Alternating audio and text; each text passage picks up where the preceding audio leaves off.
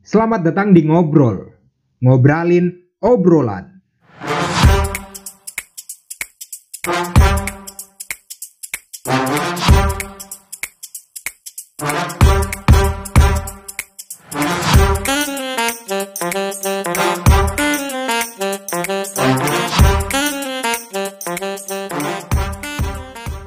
Yup, balik lagi di Ngobrol. Masih bersama MC Kondang di sini, Kanda Wibisana. Di episode kali ini, aku pengen ngobrolin permasalahan yang mungkin agak sensitif untuk sebagian orang. Atau, bu- atau bahkan bisa jadi menyerang sebagian orang-orang tertentu. Tapi di sini maksud kita cuma purely beropini aja, nggak ada maksud-maksud untuk memojokkan siapa pun. Ya istilahnya senang-senangan aja lah. Nah, di sini kita mau ngobrolin perihal kebiasaan orang-orang dalam menggunakan sosial media. Kebiasaan orang-orang mengupdate sesuatu di sosial media itu. Tapi sini aku ngobrolnya nggak sendirian karena ada kerabat saya, si Decil. Say hi dulu dong, Cil. Hai, namaku Abdul Fatah Wari, biasa dipanggil Fatah. Ya itu perkenalan singkat dari kerabat saya ya. ya mungkin langsung aja sih, Cil. Hmm. Hmm, kenapa sih aku pengen boleh. ngobrolin permasalahan ini? Ya, karena menurutku ya cukup menarik aja buat dibahas, buat diobrolin sama orang yang aku lihat kamu ya. Kamu kan sebagai sosial media analisis ya. Sukanya komentar permasalahan sosial media di orang-orang, ah, terutama di bagian curhat. ya, Nah, mungkin pertanyaan pembuka ya. di obrolan ini aku penek kamu menurutmu boleh nggak sih orang curhat permasalahan kayak percintaan atau permasalahan hidup mereka itu menurutmu boleh nggak sih? Oke, pertanyaannya menarik dari saudara saya uh, Kanda Wibi. Eh, pertanyaannya tadi boleh nggak? Sebenarnya boleh saja. Ah, tapi yang perlu dipahami sebagian orang eh, untuk berekspresi di media sosial adalah harus siap untuk tersinggung. Kadang orang-orang, jadi orang itu maunya enaknya doang. Jadi kalau dia up- mengupdate sesuatu di media sosial, dia maunya baik-baiknya aja, maunya didukung terus padahal di media sosial itu kan tempatnya terbuka, orang bebas untuk beropini. Nah, eh, apa ya maksudnya orang tuh sih ya gitulah. Ada eh, yang pernah aku baca ada teori namanya teori stoikism. Teori stoikism itu mengajarkan tentang intinya gak usah kamu ambil pusing tentang eh, tentang sesuatu hal yang tidak bisa kamu kontrol. Contohnya itu tadi, kamu update di sosial media. Terus kamu berharap untuk eh, orang-orang itu suka semua sama kayak nggak bisa dong. Itu kan di luar dari kendali kamu gitu. eh kamu pengennya, ayo coba eh, kalau komentar yang positif-positif loh.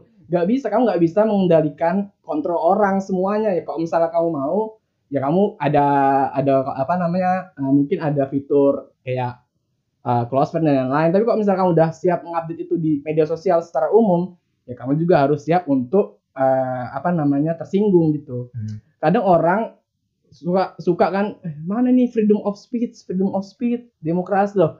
Freedom of apa yang aku uh, yang aku pernah dengar uh, ada suatu seorang filsuf bilang eh kalau kamu mau freedom of speech, freedom of speech itu kayak koin tuh loh, ada gambar, ada uang nggak bisa dilepasin.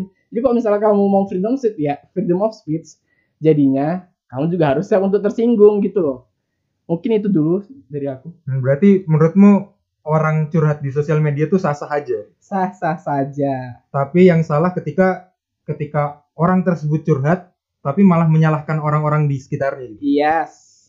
Oke, em, iya sih kalau menurutku ya benar sih kalau curhat di sosial media tuh boleh karena kan ya orang-orang beranggapan kalau ya, ini kan akun-akunku gitu loh. Apa pun yang aku upload di sini ya semua tanggung jawabku. Tapi yang harus disadari bersama adalah ketika kamu sudah mengupload sesuatu di sosial media kamu, di timeline akun kamu, itu di lain sisi itu juga sudah menjadi konsumsi publik, konsumsi banyak orang. Iya benar. Nah, uh, di situ berarti ya ada dua tanggung jawab, tanggung jawab atas dirimu sendiri dan tanggung jawab atas respon orang-orang. Mhm. Gitu sih kok menurutku. Hmm, kok kamu gimana Cil? Gimana gimana apanya? Ya terkait kan tadi kamu bilang teori apa tuh? Stoik. Stoikism. Stoikism.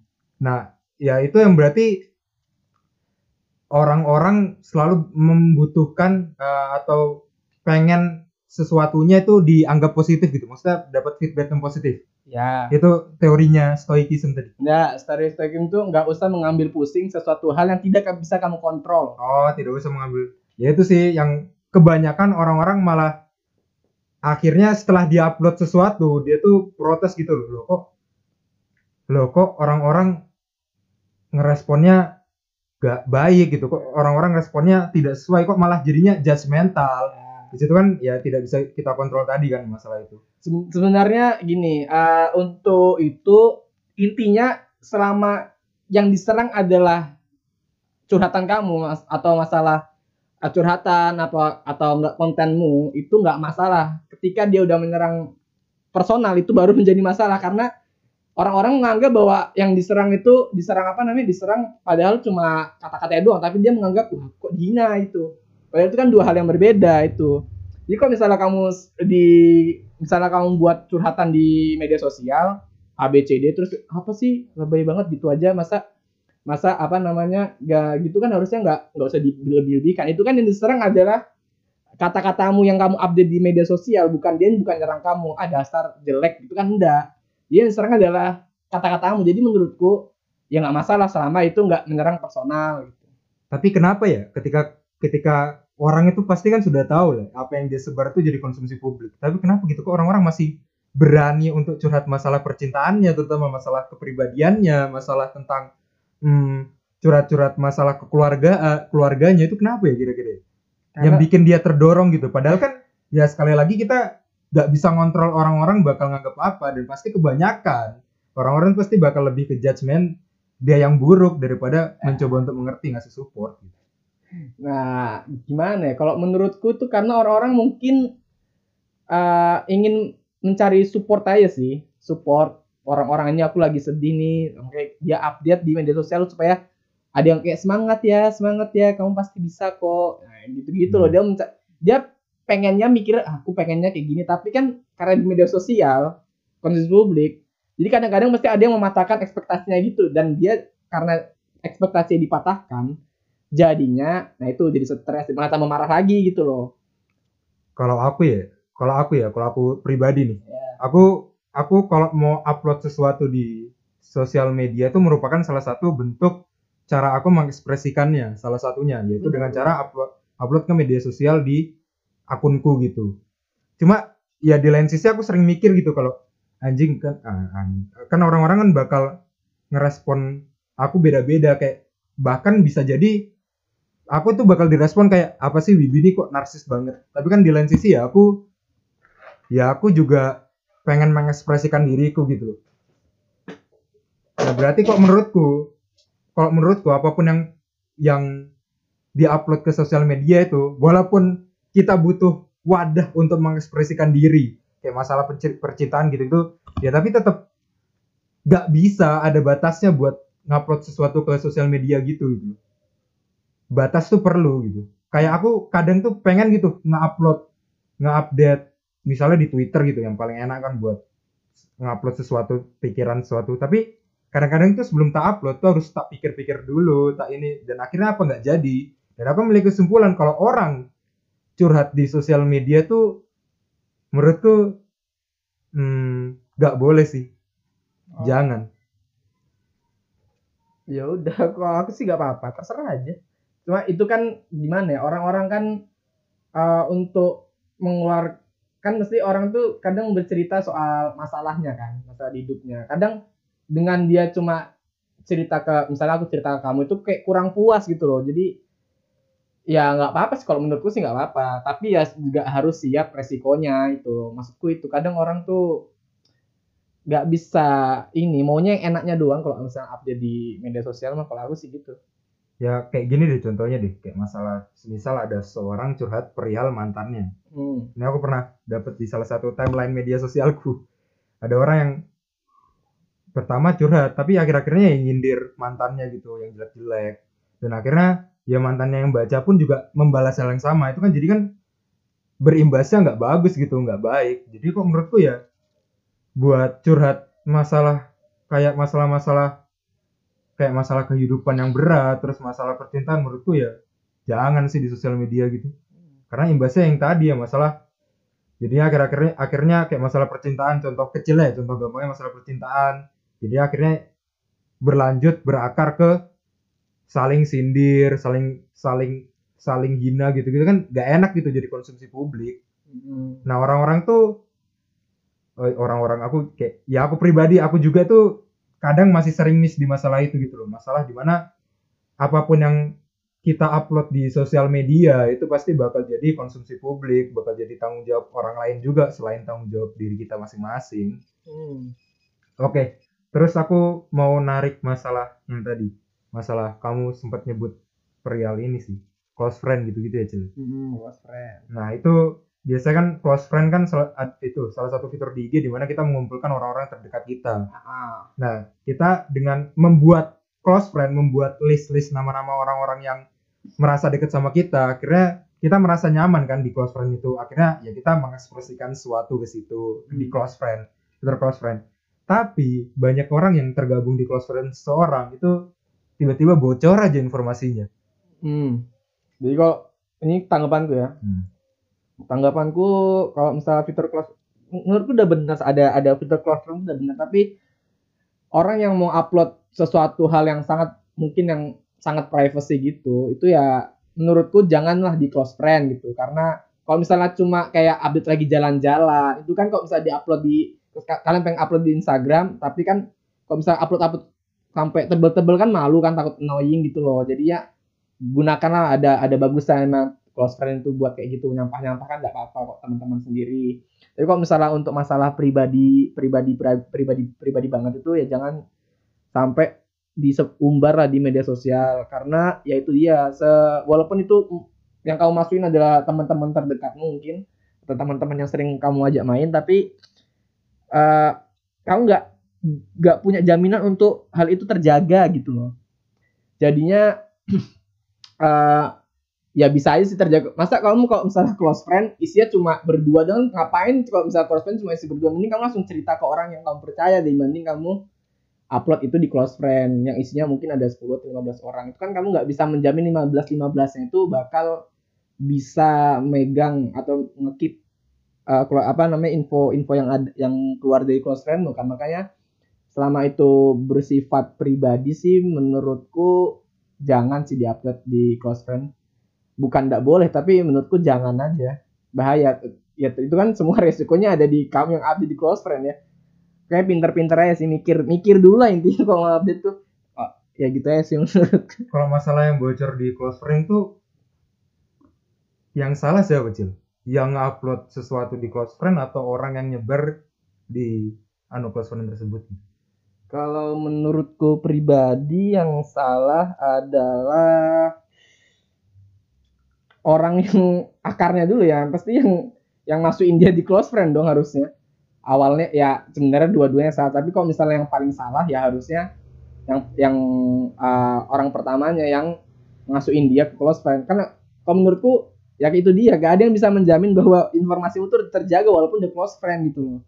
Kalau misalnya kamu mending kok misalnya kalau aku sih mending kalau misalnya terja eh, lagi masalah pribadi atau apa yang pengen aku cerita ya aku ceritanya langsung aja ke orang yang menurutku dekat gitu. Jadi lebih ya menurutku lebih aman dibanding kamu malah upload di media sosial. Karena media sosial nggak ada yang bisa men- inti intinya itu nggak ada yang bisa menjamin infomu tuh terjaga kalau di media sosial. Kalau misalnya kamu close friend kamu pengen update nih terus kamu takut banget kayak nanti infoku kebongkar ya udah aku masukin sahabatku aja berempat. Lah kalau kamu masukin berempat doang ngapain masuk close friend? Ini kamu langsung cerita aja ke orangnya tersebut kan dibanding kamu cuma empat di close friend gak guna juga mending kamu langsung cerita aja ke orang yang yang menurutku cerita ke langsung cerita ke orang tuh lebih melegakan dibanding hanya mengupdate-update di insta di instastory hanya untuk mencari dukungan moral saja gitu Tapi kan lucu gitu loh Cil. Maksudnya kan fitur close friend kan diciptakan ya buat orang tersebut merasa nyaman dengan upload sesuatu termasuk upload permasalahan hidupnya. hmm. Yang jadi masalah itu adalah orang-orang yang tergabung di close friend tersebut. Ya. Termasuk aku. Aku tuh masih ketika aku nongkrong itu masih masih aja ada yang dapat informasi padahal aku nggak masuk di close friend tersebut. Tapi orang yang ada di close friend tersebut malah menyebarkan menurutku itu salah banget sih buat orang-orang buat orang-orang yang tergabung di close friend kayak gitu nyebar sesuatu yang yang seharusnya nggak bisa nggak nggak boleh disebar gitu iya di benar close friend benar benar benar. Maksud ya di sini juga tekanin juga ya kalau misal orang yang masuk close friend ya udahlah diem diem aja nggak usah disebarin. Tapi kok misalnya kamu tarik ke bawah yang salah siapa yang paling salah ya harusnya orang yang masukin dia close friend karena kalau dari prinsipku aja aku udah prinsipku aja udah bi kok kok prinsipku kok masalah pribadi banget nggak usah masukin ke media sosial. Jadi kalau misalnya aku lihat ini kalau dia misalnya ceritain masalah pribadinya di media sosial menurutku udah salah itu karena aku sendiri memegang prinsip bahwa kalau masalah pribadi itu nggak perlu diupdate di media sosial. Tapi kalau misalnya mau kalau misalnya kita nggak tarik ulur ya emang yang salah dua-duanya. Bahkan bisa kita lihat bahwa yang salah itu yang nyebarin memang salah. Emang salah nggak ada yang nggak ada yang bilang benar di sini juga pengen kita kasih tahu juga ya orang-orang yang udah masuk close friend ya ya bisa untuk menjaga lah privasi orang. Karena udah dimandatin kepercayaan sama orang tersebut gitu Hmm, tapi kan hmm, gimana ya? Aku juga sebagai manusia butuh tempat buat berekspresi gitu. Butuh wadah buat menyampaikan ekspresiku termasuk perasaanku gitu. Cuma ya bener sih katamu kalau wadah tersebut adalah sosial media, menurutku itu salah. Jadi kalau kamu kalau kamu ingin mengekspresikan suatu hal yang terutama lingkupnya pribadi lebih ke privacy kayak masalah pribadi gitu-gitu. Kan pasti setiap orang bisa menilai sendiri-sendiri lah yang mana yang bisa di yang mana yang masalah pribadi banget yang mana yang enggak. Yang mana yang bisa jadi konsumsi publik yang mana yang enggak bisa jadi konsumsi Hmm. publik. Ya di situ. Jadi ya bener sih kalau kita istilahnya gampangnya tuh lebih bijak lah dalam menggunakan sosial media ya. Ya karena ya apa pun yang kita upload di sosial media meski memang freedom of speech atau sebagai ini akunku apa pun yang aku share di sini ya merupakan terserah aku. Tapi kan di lain sisi ya apa pun yang kita upload di sosial media itu kan jadi konsumsi bersama jadi konsumsi publik. Hmm. gitu sih. Ya ini intinya itu sebenarnya itu akun-akunmu kamu bebas apa pun di situ tetapi kamu juga harus siap untuk menanggung resikonya. Sebenarnya itu aja sesimpel itu aja sih. Kamu upload itu di media sosial terus ada yang ada yang ngebongkar ada yang nyebarin. Ya sebenarnya yang salah juga kamu juga. Kenapa kamu ya kamu juga harus tahu resiko-resikonya itu loh. Kalau kamu update di media sosial tuh itu media sosial oke bener ini kan media sosialku aku bebas tuh ngapain? Iya bebas tidak apa-apa tapi kamu juga siap aja menerima sih resiko-resiko yang ada. Dan kebanyakan orang Indonesia itu nggak kayak gitu. Dia maunya update-update doang pengen mencari dukungan baru padahal semua orang yang di ada di media sosial tuh pasti nggak semuanya mendukung dia gitu. Ketika ada yang nggak mendukung dia dia malah tambah marah tambah stres itu. Dia nggak tahu risikonya gitu. Menurutku orang Indonesia gitu sih. Nggak nggak mengerti nggak maunya enaknya doang. Nggak nggak nggak mikirin resikonya gitu. Tapi ini sih hmm, selain kita sebagai seorang yang pengen melakukan ekspresi di sosial media tapi kita sebagai kan kita juga sebagai audiens gitu audiens dari orang-orang yang pengen uh, mengekspresikan ekspresi mereka di sosial media. Kalau menurutku ya kita sebagai audiens juga harus bijak gitu dalam menyikapi orang-orang. Kayak semisal fitur close friend tadi ya mbok bijak gitu loh. Kan kamu udah masuk di close friend orang dan kamu termasuk orang yang dipercaya. Monggo dijaga rahasianya walaupun sekecil apa pun upload updatean di close friend tersebut. Karena ya itu tadi aku masih sering ketika aku nongkrong kok aku dapat informasi yang yang dari up, uploadan orang di close friend. Seharusnya kan itu salah gitu. Ya kita sebagai audiens juga harus harus istilahnya mawas diri. Sama juga ketika kita ketika kita menemukan seorang curhat di timeline sosial media kita. Yo kita sebagai audiens ya setidaknya paling gampangnya ya nggak berusaha untuk ngejudge lah. Karena kan pasti pihak yang nge-upload juga ada harapan di situ dan kita nggak bisa nyalain kita nggak bisa sepenuhnya nyalain orang yang upload itu karena ya itu ya itu udahlah masalah manusiawinya dia. Dengan mengekspresikan permasalahan dia mungkin dengan kayak gitu dia menjadi lebih baik. Ya kita sebagai audiens juga istilahnya harus bijak untuk menyikapi uploadan orang-orang. Gitu sih. Setuju. Oke. Eh, mungkin sampai situ dulu ya Cil ya? Ya.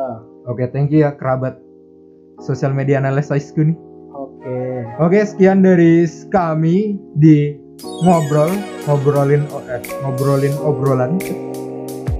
Ngobrolin ngobrolin obrolan. Itu panjang ngobrol, ngobrolin obrolan. Ya, sekian dari saya MC Kondang. Wassalamualaikum warahmatullahi wabarakatuh.